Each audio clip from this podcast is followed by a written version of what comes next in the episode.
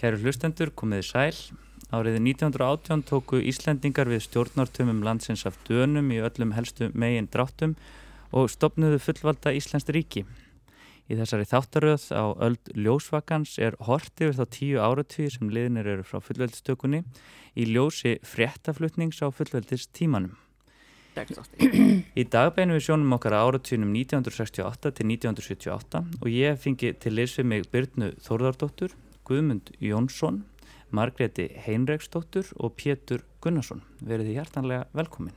Takk, Takk fyrir. Takk.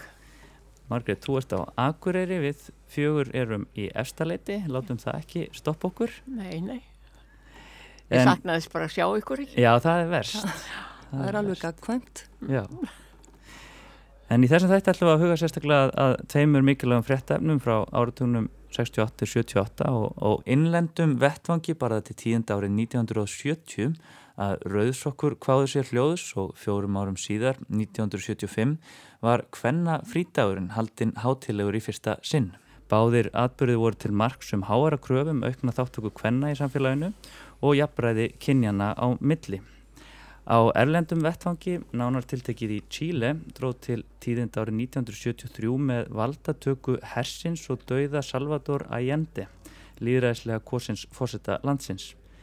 Innan við ári síðar var Ágústón okkur Pinochet komin til valda sem yfirmaður ógnarstjórnar Hersins sem styrði landinu fram til ásins 1990. En áðurum við ræðum þessa tvo atbyrðið sérstaklega, þá vil ég kjarnan byggja ykkur, kæru gestir, um að kynna ykkur hvert um sig segja örlítil deila á ykkur og frá því hvernig landslæði í fréttum og fréttaflutningi áratugurins 1968 til 1978 horfir við ykkur nú í dag. Byrjna, ég ætla að bjóða þér að byrja á því að kynna það. Já, takk. Uh, ég uh, veit nú ekki hva, hvernig að orða það hvað ég geri í dag. Ég geng stundum með fólki um daginn, það heitir, um bæinn, það heitir menningarfyllt Byrnu en uh, ég nenni ekki að taka þátt í túrisma þannig að mér þykir mjög stjæmtilega að ganga með landanum.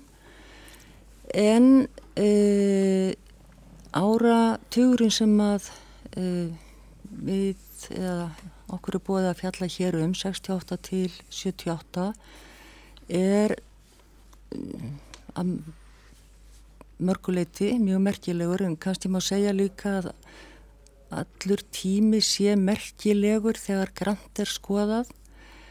En uh, uh, 68 þá það má segja eða rétt fyrir 68 árið 67 þá uh, byrja ég að taka eitthvað þátt í pólitík. Og uh, það þótti nú mjög sérkynilegt að það ég var að í sjöttabekki mentarskólanum Akureyri. Og uh, þar var haldið málfundur um Víetnamstríði, tveir framsögumenn, einn sem gert var áð fyrir að uh, myndi styðja uh, stefni bandaríkjana í bandaríkjastjórnar í Víetnam. Og það var ég. Og síðan annar framsögumadur sem að gert var áð fyrir að væri afar ansnúin þessu stríði En svo gerist það að þegar ég fór að lesa mig til betur því að eh, ég vissi það í raun og veru og ég hafði haft ránt fyrir mér í all nokkuð tíma það er mjög erfitt að viðkjanna maður hafi ránt fyrir sér og þá er eins gott að gera það bara ofinbeglega þannig að það fari ekkert á milli mála og eh, geta þá hort í, já, hort framann í sjálfa síði spekli og eins líka framann í aðra. Þannig að eh, ég gerði það og einn vinni minn sem var þarna á þessu fundi, hann sagði að hann hefði ekki skilin eitt sem ég var að segja fyrir hann að komið var fram í ræðu því að hann skildi ekki að þessi orðskildi koma frá mér. En þannig, þannig var nú það og eh, auðvitað eh, í og með því að setja sér dýpra inn í þau mál er tengdust Vietnamstríðinu að þá auðvitað kom holstjafla af öðrum málum og e, annari þekkingu sem að e, e, ég reyndi að afla mér og e, það hefur, já, það er ekki mitt að dæma hvernig það hefur tiltekist en e, ég held að ég svona hafi fylst þokkalega með og allavega viti um margt meir heldur en ég vissi þarna á þessum tíma. Þú tókst mikið þátt í, í stjórnmálarlifi á þessu tíma, svona óbeint? Já, ég var að byrja í raun og veru. Það var nú ekki mikill möguleiki til stjórnmál og þáttöku í mentaskólanum Akureyri en ég var það heppin að það var kennari, hann kendi okkur ekki, Jóhann Pál Árnason og eh, við vorum nokkur sem að fengum hann til þess að vera með svona það sem að kallað hefði verið annar staðar sellufundi. Og þá hittist við á lögadögum og hann fór yfir sögulega þróun í raun og veru e, heimsmála. Og þetta, þessi erindi hann sem að hann flutti að það var síðan uppistaða í bók sem hann gaf út síðar og heitir Þættir og sögu sósialismas mm -hmm. og þetta var afskaplega fróðlegt og mjög gott að hefja stjórnmála þáttöku í og með þessum upplýsingu vegna þess að Jóhann Pál hann eh, var ekki hrifin af eh, austurblokkinni ef að þetta er sagt svo og ekki af því stjórnafari sem að þróast hafði í Sovjetríkjónum eða öðrum löndum þarna hafði verið við nám í Östur-Európu í Tjekkoslovakíu og var mjög og þessi gaggrínu viðhorf hans að e, þau e, já urðu mér síðan mjög eðlileg og töm og ég er honum ævarandi þakklátt fyrir að ég skuli hafa lengt hjá honum í þessum umræðu og, og hálgerðum, já, tjenslu stundum, geti ég sagt. Akkurat. Guðmundur Jónsson, ég ætla að gefa þér orði. Hvernig, já, hver er þú og, og hvernig horfir þessi áratöfu þér? Já, ég er, ég er, hef það starfið að kenna sagfræði við Háskóla Íslands og reyndar svo að, ég, að 20. öldin er nú svo öll sem ég kenni mest um. Þannig að það kemur mér bara þægilega við að taka þátt í þessum umröðum við ykkur um, um, um atbyrði þessara áratöga ég er nú kynum að 13 ára snáði þegar þessi áratögu 68 til 78 er að hefjast.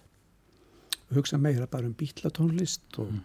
og handbólta og svo leiðist þegar lætin er að byrja og allt fer á söðu punkt í landunum kringum okkur en það var kannski rétt að hafa það í huga það gerist óskaplega lítið á Íslandi sko þarna 67, 68, 69 en það er svona kannski 1970 sem verulega fer að fer að hitni kólunum í stjórnmálunum þó að það verður náttúrulega ákveðinir eða nokkur atbyrðið þarna sem að gefa fyrir heitum um, um meira. Mér finnst líka mjög merkileg eh, hérna þessu atbyrðu sem tengjast opnun Íslands á efnahags- og félagsviðinu. Það er að segja aðildina eftir 1970 og samningu við EBE sem færa Ísland efnagslega séð inn í ringrás alltíða viðskiptunum, sérstaklega Evrópu viðskipta og það breytir bara mjög miklu á Íslandi, atvinnulífi og líka viðhorfum því að með viðskiptafrelsi þá koma ný viðhorf bæðin í nýslu og framleiðslu en líka bara hugsunarhætti. En mér langar að nefna eitt atriði svona að því að það, ég reikna ekki með að, að aðri muni nefna það hér en það er árið 1969 þá gera sem sagt eh, heldarsamtök eh, launþeg og aturreikundur með sér samkómulag um að stopna almenna lífur í sjóði fyrir launamenn, verkafólk.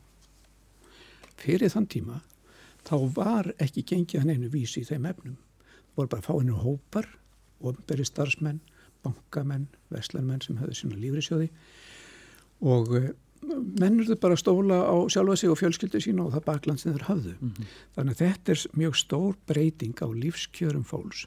Að ég veit við munum tala mjög mikið um unga fólki sko, mm -hmm. í þessu þætti. Var rétt að minnast á einmitt svona atriði sem að skipta mjög miklu máli fyrir velferð allra mm -hmm. og þetta er auðvitað stort skref í þeir velferðarkerfi sem byggist upp eftir stríð. Akkurat. Árum við klárum ringin hérna í erstaleitinu, Pétur, þá vil ég hérna endilega fá þig með okkur Margrét, þú ert fyrir norðan á Akureyri. Já, já. Um, má ég byrja þig um að, um að svara þessari spurningu? Já, sem þetta að segja mér deili. Mm -hmm, segja þau deili og, og svona hvernig þessi áratugur horfir við þér í dag út frá frettum? Já, sko ég hérna, ég er nú öldruð einsettu kona í, í Valahefinni, komin á nýraðisaldur og, og því miklu eldri heldur en því það öll og og var samsagt á árunum 1968 árið 32 ára gömul. Og eða var 32 ára því ári. Og þegar ég fór að rifja upp þennan áratug þá uppgöttaði ég að þetta hafði sannlega verið eitt fjölbritt þetta tímabil á æfinni eh, það má segja að það hefði byrjað með fæðingu yngri dóttur minnar á gamlórskvöld 1968 og síðan tók við tímabil ungamömmu og heimavinnandi húsmóður þar til ég fór aftur að starfa sem bladamöður á morgumbladinu uh, vorið 1971 en þanga hafði ég ráðist í áslokk 1959 mm -hmm. og starfað sem sagt fram á höstu 1968 þegar ég átti uh, dóttur mína mm -hmm. og þetta var náttúrulega sjálfsögðu launalöst því að engu var fæðingar orlofunni fyrir að fara þá fremur en þegar ég átti eldri dóttur mína 1957 Akkurat. Og þessu tímabili þá gerði ég nú aðra tilröð mína til að fara í háskólanám. Þá fyrri hafði ég gert 1956 en báðar fór út um túfur vegna heimilis aðstæðna því enginn voru námslánin. Og uh, síðan lög ég sem sagt áratöknum með því að gera þá friði og var þá ákveðin ég að láta að verða og hætti ekki fyrir ég væri komin með kandaspróf upp á vasan. Akkurat.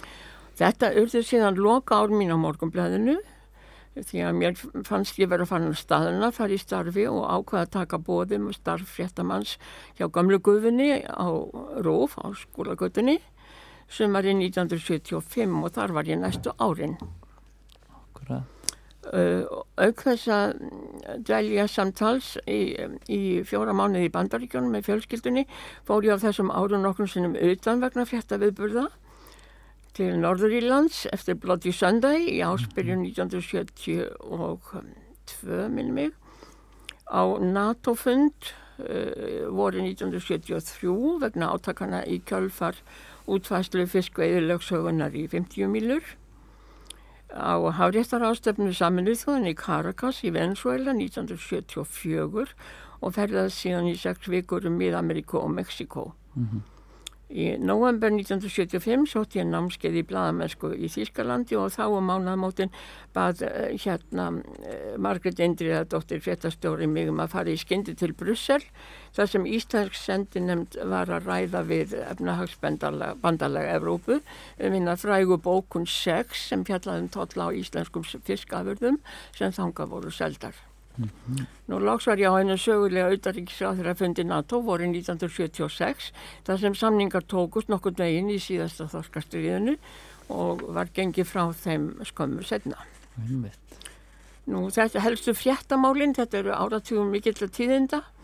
Þar bar vita skuld hæst uh, síðustu tvö þorskastriðin og líkti deilnana um fiskveðilöksvæðuna á erlendu vettfangi vandarlega síðustu ár og lók Vietnamstríðsins þetta var líka tími viðustyggjulegra fasistastjórna í Suður og Mið-Ameríku en jáfnframt árin sem einræði stjórninnar í Gríklandi, Portugal og Spáni fjallu Í kjálfari fengur nýlendur Portugala sjálfstæði þeirra meðal Östur Tímor sem Indonésiar hernámi í desember 1975.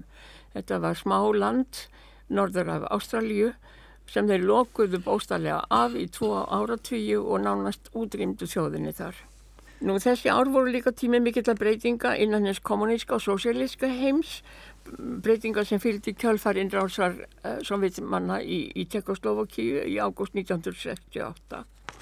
Þegar vorið svo kallaða í Prag var fótum tróðið. Akkurat. Petur Gunnarsson Já, ég er uh, eh, rítvöndur þetta er nú eiginlega bara uppáhalds áratugurinn minn. Og, uh, og það er náttúrulega helgast öruglega bara af því sem að gerðist í, í, í manns persónulega lífi.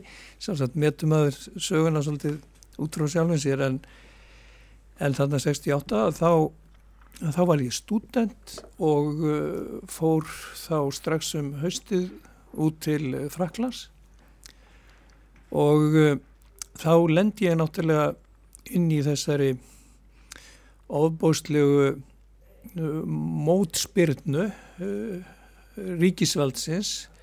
Þeir voru svo hrættir um að það myndu taka sig upp þessar óerðir sem hefðu verið um vorið.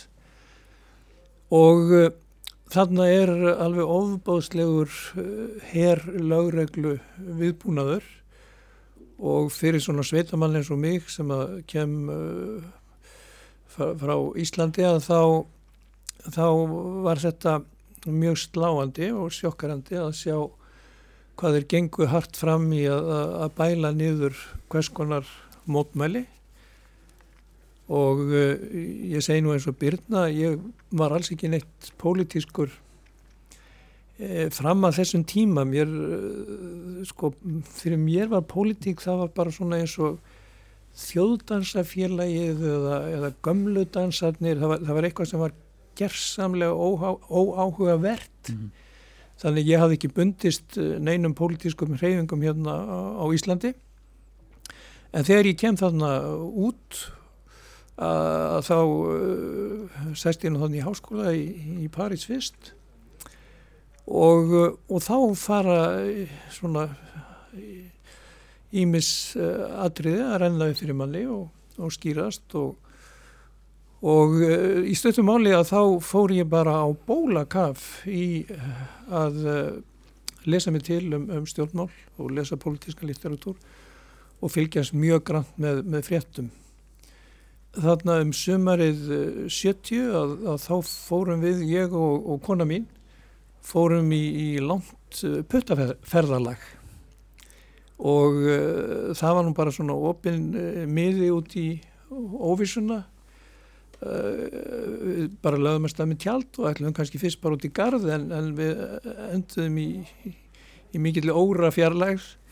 Og þarna á þessum tíma þá er eins og öll æska vesturlanda sé komin á puttan að, að það var eh, alveg stöður ströymur af, af krökkum frá, frá bandaríkjónum og, og frá Evrópur sem var á þessu frega puttaferðalagi, sömur á móturhjólum, þetta var svona svolítið eins og Easy Rider, bíómyndin, svo romantík mm -hmm. og uh, ströymurinn hann láð þarna söður eftir alfunni og, og, og margir voru á leiðinni til Indlands En uh, við fórum nú bara eh, til Greiklands og síðan upp Greikland og Jugosláfi, Þískaland og, og svo framvegis vorum þannig að sagt, heilt sumar á ferðinni og vorum bóstalegi með neitt nema bækur. Okkar farangur var bara uh, bakpókar af bókum og, og þannig var maður með einvítamannin eftir Marcuse og, og Kapital eftir Marx og reynda líka Hamlet eftir Shakespeare og Ég man að ég var líka með íslenska bækur, vort landir í dögun og, og eins bókinas einas um ættarsamfélag. Mm -hmm. uh, ég man ekki hvort að þættir og sögur sósialismans voru komnið þarna en, en það var síðan mjög áhrifamikil bók í, í manns lesningu. Mm. En síðan náttúrulega er þetta mjög uh, aðtilsverðu tími í sögulegu samhengi að eh, rótin af þessari, af þessari rótækni 68 reyfingarinnar hún lánum kannski þessum sem að Byrna var að nefna að hún var að flytja þarna erindum Víetnamstríðið mm. að, að það var Víetnamstríðið í öllu sínu ógeði sem að uh, byrtist mann nú bara í ljósmyndum á þessum tíma Já. en alveg nógu ógíslegum ljósmyndum Já. til þess að, að ég held að öllu sæmilega hugsandi fólki hafi ofbóðið og, og þetta náttúrulega kynnti undir gríðarlega anstöðu gegn bandaríkjamennum. Mm -hmm. Menn gátt ekki séð hvers veginn í óskópunum þeir voru að henda napalsprengjum á bændur í, í, í eh, Östur Asíu. Nú síðan er það þannig ágúst að, að ágúst 68 að rússar ráðast inn í Prag og, og það náttúrulega Eh, þá missa rústar endanlega niður um sig já, að, að þá náttúrulega fækkar mjög í, í þeirra stöðningsliði en ég vil að segja í sambandi við mína vinstri mennsku að ég hef aldrei litið á, á Sovjetríkin og leit aldrei á Sovjetríkin sem uh, sósialist ríki. Þetta, fyrir mér var þetta bara ríkiskapitalismi Já. og það er svo erfitt og það er svo skrítið að það er alltaf aðrir sem að marka manni bá, bás. Að vera vinstri maður á þess að vera bendlaða við Sovjetríkinu á þessum tíma það var svona eins og að keira mik miklubrutin á þess að keira miklubrutin. Já, þannig að já, þannig að þetta er, er uh, mikil og skemmtileg gergin á, á þessum áratug. Þetta er tíunda mikil áratugur eins og því að við öll komið inn á. Við ætlum að taka svona tvö mál út fyrir svega, eitt af innlendum vettvangi og eitt af erlendum og við byrjum á innlenda vettvanginum því að eitt af því sem skók Íslands samfélag áratugin 1968 til 1978 voru háarar kröfur kvenna um aukið jafnbretti og aukna samfélags þáttöku. Þessar kröfur voru eftirveitlega ekkit alveg nýjar af nálinni en vissulega springur einhvað út árið 1970 þegar Rauðsokkur hveða sér hljóðs og aðeins fimm árum síðar, 24. oktober 1975, lögðu konur í landinu niður störf og gengu fylgduliði til að fagna hvenna fríteginu. Við skulum gripa niður í fréttum aldarinnar þar sem þessum atbyrðum hafa verið gerð skil. Dagurinn í dag, 24. oktober 1975, verður vafalistalinn merkur dagur í sögu baráttu fyrir jafnrétti og mannréttindum á Íslandi. Það framtaki íslenskra kvenna að leggja niður störf og standa fyrir útifundum og kröfugöngum hefur vakið mikla aðtegli. Fjölsóttasti útifundurinn í dag var á Lækjartorki og er giskað á að þar hafi um 25.000 konur verið saman komnar. Þýlefni þessa fundar er það að á hvennar ástöfnu sem haldinn var í Reykjavík í sumar var samþygt svo álíktun að konur tæki sér frí á degi saminuðu þjóðana 24. oktober til þess að leggja áherslu á mikilvægi vinnuframlags síns. Í júni á stóru loftleiðar ástefninu skeiði undrið konur úr öllum stjættum og öllum stjórnmálaflokkum hjöppuðu sér saman og báru fram tillögum að alla konur á Íslandi tækju sér frí þennan dag. Og þessar konur þar gerðu meira, þar heldu hópin í allt sumar, örfuðu konur til dáða og síðan maður kallaðu saman fundur í haust í Hamragörðum og annar í Norræna húsinu. Konurnar þustu að og þetta er árangurinn, hér erum við svona margar.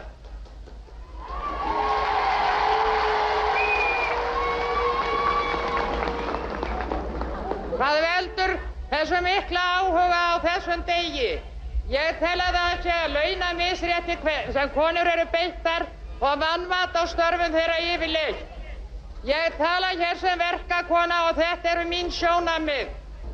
Hvers vegna hvenna frí, konurnar fagna því, takast minn alls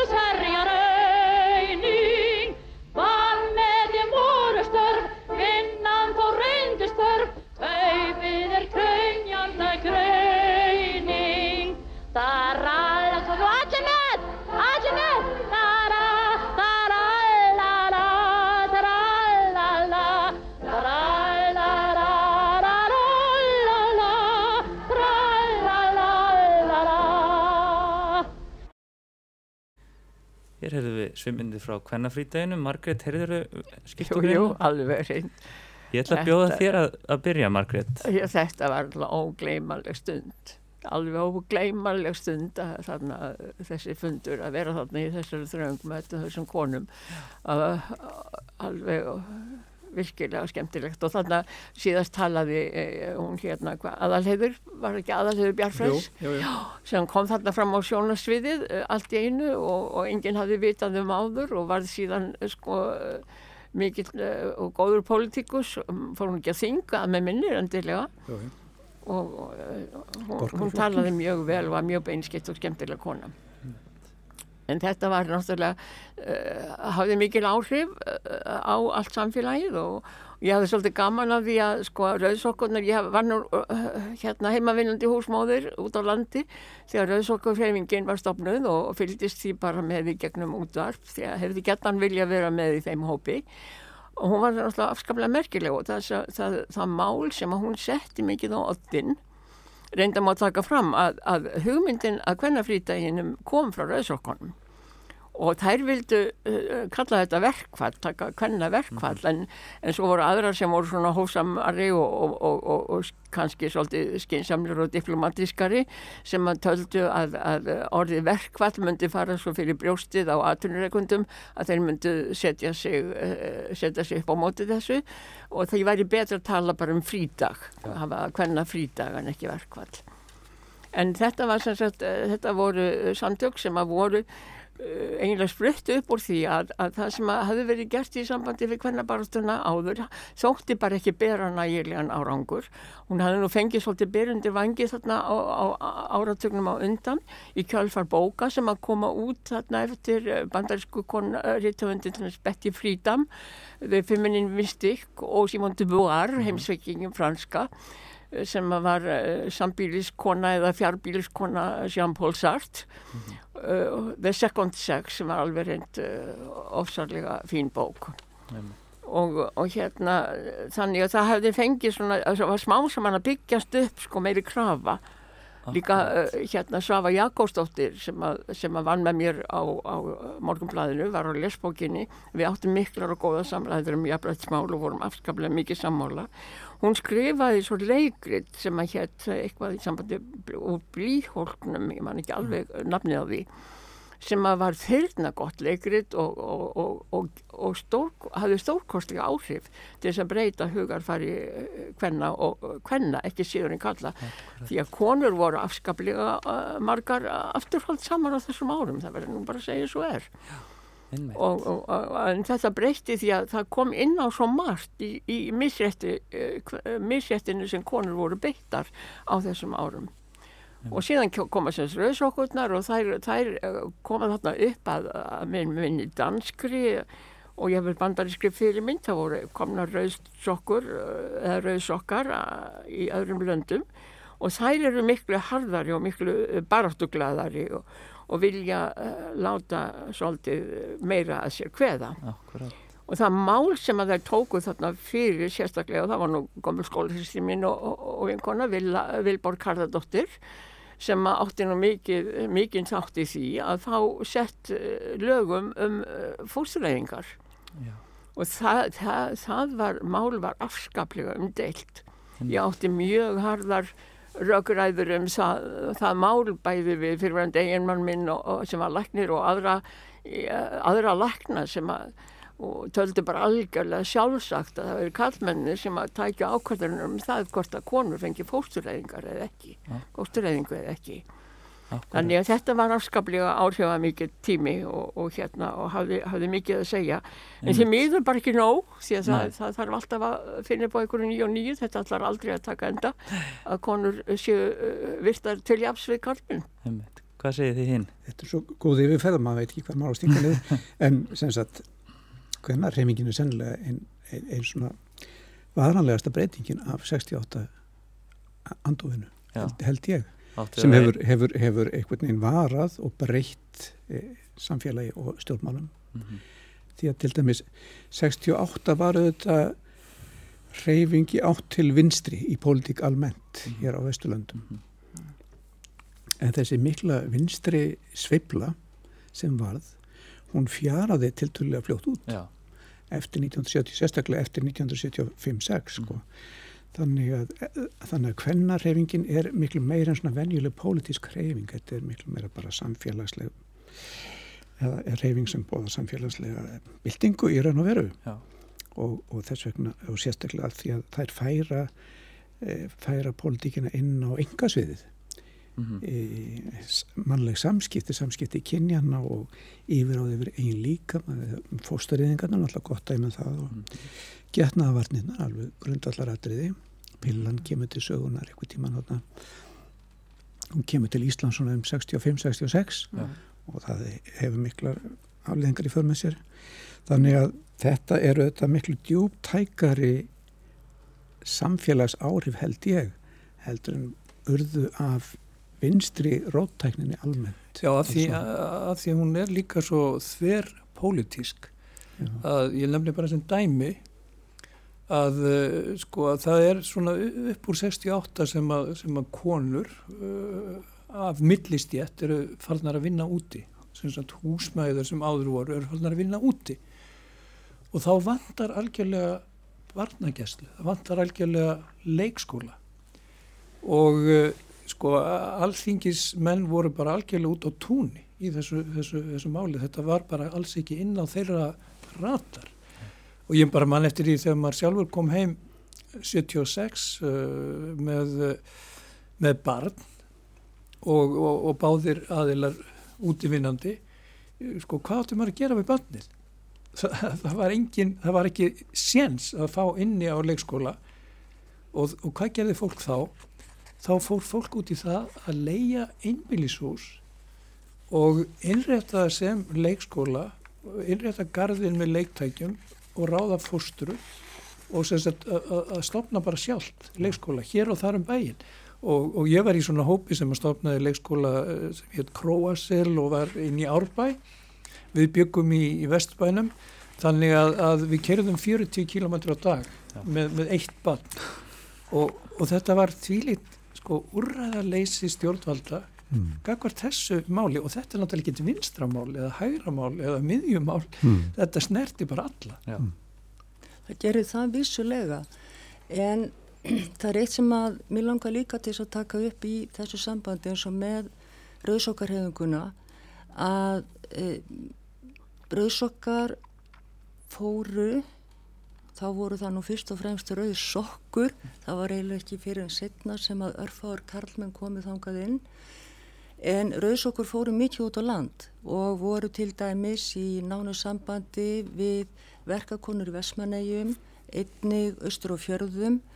Og þær e, vegna þess að þá var hreyfingin að hún var líka mjög almenn þjóðfélagslega pólitísk í eðlisínu og það var auðvitað þetta launajabrétti sem að stifti mjög miklu máli og kom mjög vel fram í e, fristihúsum. Ég þekkti það sjálf frá mjög ungum aldri og e, síðan auðvita sem að hér hefur verið minnst á að það var skortur á möguleikum á ummönnun fyrir börn meðan foreldrar væru í vinnu.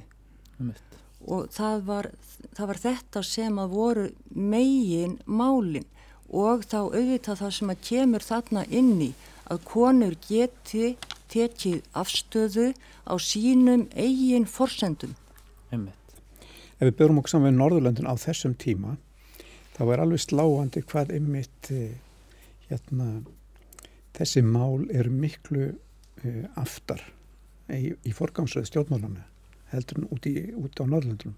Það er ekki út af peningaleysa á Íslanda því að við vorum álíka vel stödd svona ef við lítum á þjóðaframlegslu og mann og slíka mæli hverða en forgangsröðun í pólitíkinu var bara allt annur. Hún var á meira á svona atvinnuppbyggingu, fjárfestingar í sjávarútvegi og uppbyggingu svona eina hefbundinu atvinnuöga. Þannig að þarna var, var voru Íslandika tótið sérstakir. Já, einmitt. En það var líka, það var bara svo rosalega margt í leið mér að segja í, af gamaldags hugsunarhætti í gangi bæði varðandi eigið atferðli, atferðli annara, útlitt, klæðinað. Ég maður þegar ég byrjaði í Háskóla í Íslands hausti 68 að ég var eini kvennmaður í skólanum í buksum og uh, bróður, bróður minn sem að ég fekk að vera samferða mm. í uh, skólan, hann er látin núna, blessaður,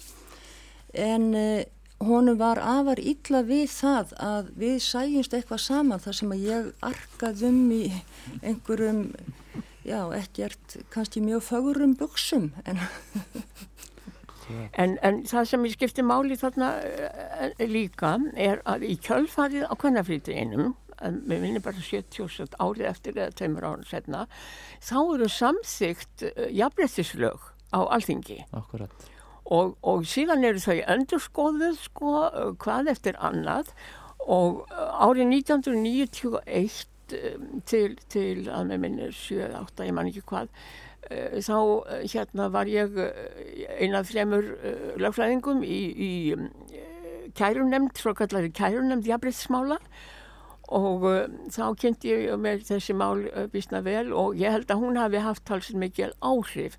Og, og þá ekki síður þær sem þær úrskurðir kærunemnda jafnbrettismála sem hafa komið síðan. Mm. en, en þessi lög jafnbrettislögin þau skiptu gífurlega miklu máli. Ég held að þau síðustu séu, séu frá hvað, 2008 ég held að við minnum það eitthvað, upp úr 2000 eitthvað tíman og, og þannig er tekið á mjög mörgum málum og allar þessar endurskoðanir þessar laga er, eru tilkomnar vegna þess að þróunin í málum uh, jafnliðsparatonar uh, var svo öður, það var svo mörg mál sem kom í ljós eða byrjaði að vinna í þessum málum almennilega að það kom alltaf nýju og nýju svið sem þurfti að taka á og, og við sjáum það að það hefur eiginlega verið alveg stanslust og, menn, og konur hafa verið að reyna að endur nýja sínar uh, baráttu aðferðir og svo má segja þessu, á þessum tímabili Einmitt, og það eru þetta gefna bent á að þessari baráttu sé svo sem langt í frá lokið. Henni sko sannlega ekki lokið. En hérna við þurfum að færa okkur inn á uh, eða kannski út út á við uh, frá, frá Íslandi og út í heim. Við ætlum að uh, skoða aðeins fréttir af erlendum vettvangi um, og það dróð til tíðenda í Chile árið 1973 með valdatöku hersins og dauða Salvador Allende líðræðislega kosinsfórsita landsins. Innan við ári síðar var Ágústun okkur Pinochet komið til valda sem yfirmaður hersins sem stýriði landinu fram til ársins 1990. Það er ekki um auðvangar að gresja í safni útvarsins nokkuð til að myndefni en hljóðrásunar vantar við heyrum því brot hér úr upptöku á síðustu ræðu Salvador Allende sem haldinn er undir skotrið stjórnarhersins á fórstuhölluna. Þar fordæmir uh, Allende aðgerðir hersins og þver neytar að segja sér ennbætti og hann ávarpar ólíkar stjættir fólks og lýsir yfir trúsinni á framtílansins sem sé höndum annar en hans sjálfs þar sem hann sjá ekki fyrir sér að lifa þessa valdatöku af. Lengi lifi Chile, segir ægandi, lengi lifi þjóðin, lengi lifi verkalýðurinn. Svo segir hann, þetta eru loka orð mín og ég vissum að fórn mín sé ekki til einskis. Þá hann megi það minnst að vera siðferðilegur áfællistómur yfir landráðum og heigulshætti. Þetta segir Salvador ægandi sem talinir hafa svift sér lífi í þann mund sem herin reðst inn í fórstuhölluna. Viva el pueblo, vivan los trabajadores. Estas son mis últimas palabras. Tengo la certeza de que mi sacrificio no será en vano. Tengo la certeza de que por lo menos será una lección moral que castigará la felonía, la cobardía y la traición. Það er með e, ég segi morðið á Allende eins og morð á mörgum öðrum að það átti sinn aðra, aðraðanda að e, þetta það vita þau sem vilja vita að þetta var skipulagt af síja þar að segja legin í þjónustu bandaríkjana og Tíle er langt og mjótt land og þar fara miklu fluttningar fram, ekki síst landbúnaðarflutningar og uh, þeir sem flutningabílstjóra sem að voru að uh, flytja afurðir, fyrst og fremst að norðan og suður, að uh, þeim var greitt fyrir það að vilja ekki keira. Og það varð mataskortur í suður, sílið það var mataskortur í borgum og þetta er ástæðan fyrir því og uh, að einhver segir mér að uh, Allende hafi skotið sig að uh, sko, ég ætla ekki að hlæja því að því það er ekkert fyndið en ég get glott út í annað Akkurat. Mm. Salvador Allende er einhver kannski til að segja aðeins frá því hver, hver hann var og, og, og svona hverjir tóku við hvað segir sakfræðingurinn? Ég hérna, eh, þekki ekki uh, þetta í neinum smáatriðum, ég bara uh, veit að hann var, hafði lengi verið í, í, í fórustu sveit uh, sósialista í, í Tíle mm -hmm. og ég man ekki hvort það var læknir, minnir hann að vera læknir að, að ment, já. Og, uh, og, og hann var nú bara fyrst í bara svona hefbundin, hefbundin í pólitík, það hafði verið mjög langt tímanbíl í Tíle sem var bara uh, frið, friðsamlegt uh, samfélag mm -hmm. með óskup svona borgarlegri stjórnmála þáttöku mm -hmm. þannig að þetta kom nú svolítið eins og skrattin úr söðarlegnum og, mm -hmm. og þessi þessi villimöður hann Pinochet að hann hafði verið meiri síðan svona mjög þægur ljári þúu að mannum fannst hjá, hjá þessum róttæku öflum jáfnvel og uh, það, kom, uh, það kom kannski mest ávart hans framkoma að, að, hann, uh, hann framkvæmir þetta valdarán með öðrum, með félagun sínum. Og síðan rutti hann þeim úr, úr vegi til þess að, að gína einn yfir þessari bráð. Þannig að, að hann síndi óvendan lit. Mm. en já, ég man eftir í hvernar hvar ég var og, og hvernig þetta barst mér. Ég var á, á, á Ítali, ég var á tungumála námskeiði í Peruzia á mhm. Ítali og ég var bara einn og þetta er 73 og það er ekki maður hafði ekki aðganganlegin fjölmjölum það, það voru ekki maður, maður var ekki með síma í vasanum og, og ég er að fara þarna út um morgununa leið í skólan og ég finn bara strax að það er eitthvað allt annað andrúsloft í bænum og, og Ítalíu þá allavega þá uh, voru gæðnan dagblöðin þau hengdu uh, síðunar, blaðsíðunar í uh, svona auglýsingaglugga þannig að ég fór að reyna að lesa þetta á, á blaðinu uh, Lunita mm. og með sem sagt eiginlega enga ítelsku þekkingu að þá svona smátt smátt rann þetta upp fyrir manni og þetta var náttúrulega mega viðburður mm. og það sem að svona manni finnst uh, alltaf jafn leiðilegt í kringum þennan atbyrg hvaða tók langan tíma að sína fram á og sannfæra fólk um að bandaríkjaman hefðu staðið að þessu valdaráni. Mm -hmm. Það var endalust hægt að, að, að þæfa um það og þrefa þá kan til náttúrulega núna á setni árum að, að gögn hafi verið byrt sem, sem að sína fram á hvað þeir voru aktífir Einmitt. í þessu. Einmitt. En það var nýmsi sem að vissu það alveg reynd frá upphafi. Það lág alveg algjörlega ljóst fyrir. En þú gast endalust verið að, að þrefa við fólk sem var á öndverðu meði um þetta. Margrið, þú fylgist með þessu máli? Já, já, þetta er óskapilegt alveg.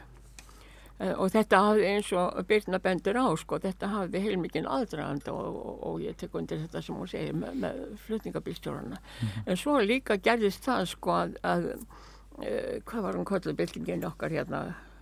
Búsahaldabildingin, mm -hmm. var það ekki? Já. Já og þarna var svona eiginlega búsahaldabilding líka þannig séð að, að sko fólk var kvart til að fara út á götur og berja bömbur og, og, og, og potta og pönnur og annað slikt og atvinnureikundur gerðu allt sem þeir gáttu til að grafa undan, undan að jendi og, eh, og þetta, þetta með Pinochet sko jendi hafði, hafði gert, hafði sjálfur gert mm. Eh, Pinochet að yfirmanni hersins eitthvað eh, nokkru mánuðum áður en hann stektur hann á stóli. Já, þannig að þetta var svo, þetta var svo ríkalegt og en sko Pínusett, ja, Allende hann er, hann er sagður ég veit ekki það fyrir víst en ég hef lesið það hann hafi verið fyrsti hérna marxisti fósettin sem var kjörin í líðræðislegri kostningu já. sem var mjög merkilegt í, sko. Já, í Söður-Ameríku í Söður-Ameríku, já og hérna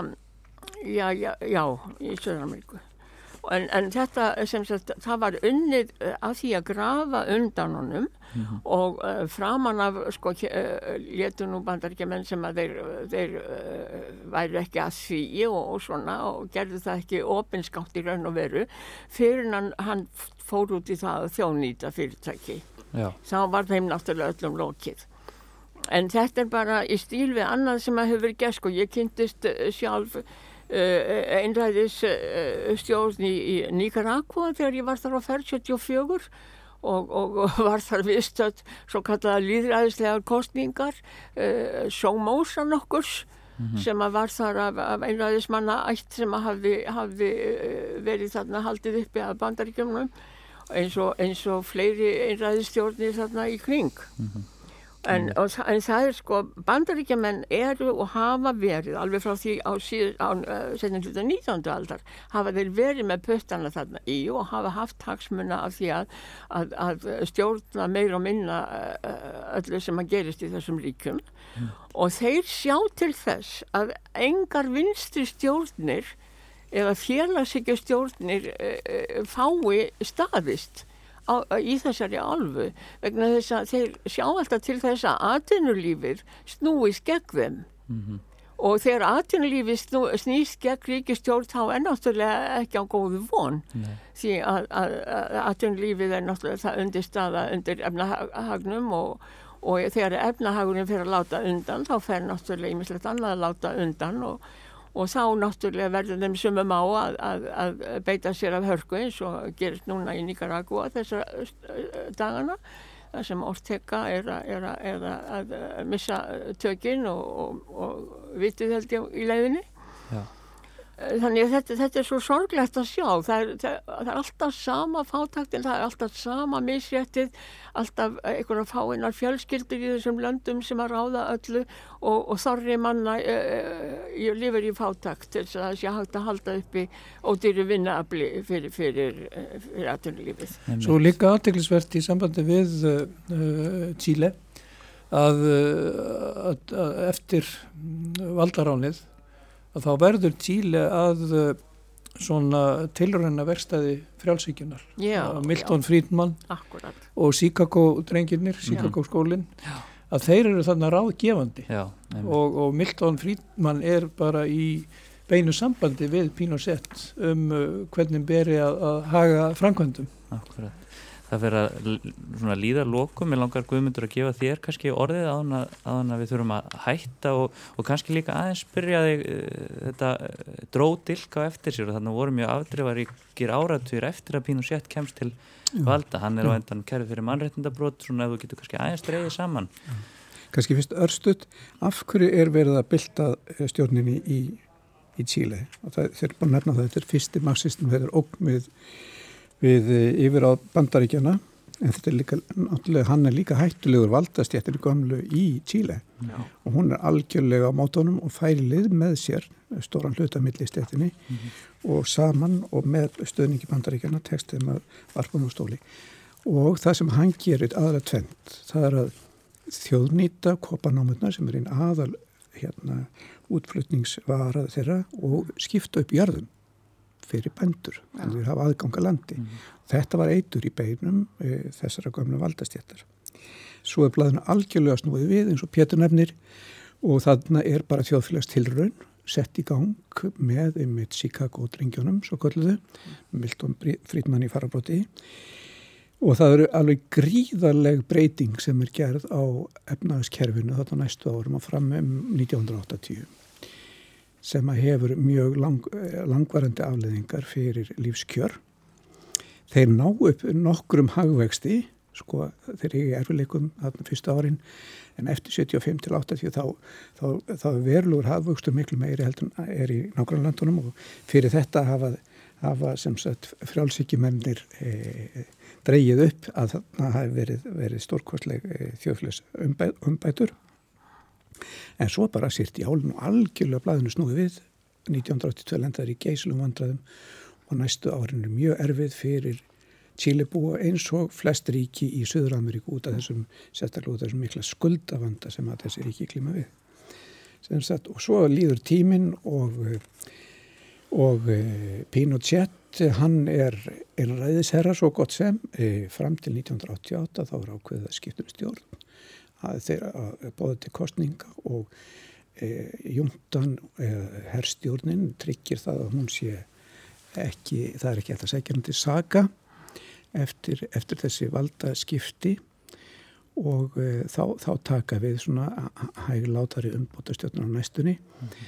en um er e, e, margt þetta að tala um ymmið þarna árunum eftir því að hann ánáttúrulega yfir höfðu sér alls konar um, málsóknir og hvaðina, hann fyrir til dæmis til Breitlands til lækninga með minni 1998 eða eitthvað slíkt. En þá fær, fær, er allt innu komin stefna frá Spáni um að, að hann sé hann sé sendur til Spánar til að svara til saka fyrir, fyrir uh, afbrott í Chile. En breskastjónin heldur yfir honum vendar hendi og hann sleppur heim og uh, þegar heim, heim er komið þá fjölgar mjög þessum, þessum málsóknum á hendur honum og hann eiginlega sleppur við það allt en þetta var náttúrulega mikil mikil hérna mikil þrýstingur úr öllum áttum á, á hann og hans persónu. Hann slapp líka við það að vera settur inn á fótbóltavöllin. Já, já, stóra. Er skaplega eftirminnileg hérna uh, lýsingin sko, þegar hann samalaði stjórnaranstæðingum inn á fótbóltavöllin og, og hérna brauð hendurnar á, á gítarleikarinn mikla Viktor Hara sem var sko maður bara greið þegar maður hlusta á þetta og heyrðu þessar fjettir. Grimdin var ótrúleg. Ótrúleg. Og við meðum ekki gleyma því sko, þannig eru þúsundir manna drefnar á þessum árum, árum hans, þannig að fyrstu árum og, og síðan eru, sko það talaði að hafa verið millir 30-40 þúsund mann sem hafa verið pintaðar. Já. og fyrir utan alla uh, sem voru, voru fangilsaðir það var 800.000 mann sem voru fangilsaðir og þetta er, þetta er svo ótrúlegt en, og það sem að gerist þarna í sambandi við hann hérna Garcia á Spáni sem var svo mm. merkilegt að hann, hann sko hann hafði pintað að með minnir eða drefið einhverja spánverð, spænska ríkisborgara. Ja, og, og það var fyrir það sem að, sem að spænski hérna saksóknarinn eh, krafði krafði um, krafðist þess að hann vegna þess, þess að sem hann var krafðist að hann ja, er því framseldu til spánar sko. ja, en auðvitað heldur breytar lífiskyldu honum nema yfir honum hvað nema hvað sko. Þetta var alveg óskaplega sorglegu tími og eitthvað sem aldrei, aldrei nokkuð tíman glemist. Nei. Ég held að við þurfum að láta staða numið hér með þennan áratu. Ég þakka ykkur kærlega fyrir góðar, góðar umræður um, um hvernafrýndaginn og, og uh, atbyrðið í Tíla 1973. Margrét Heinreksdóttir, Birna Þorðardóttir, Guðmundur Jónsson og Pétur Gunnarsson. Þeir veru með okkur að vikuliðinni. Ég þakka ykkur í byli kærlega fyrir komina. Takk, Takk sem er leiðis. Ég þakka hlustendum kærlega fyrir áhernina. Verið öll sæl og blessið.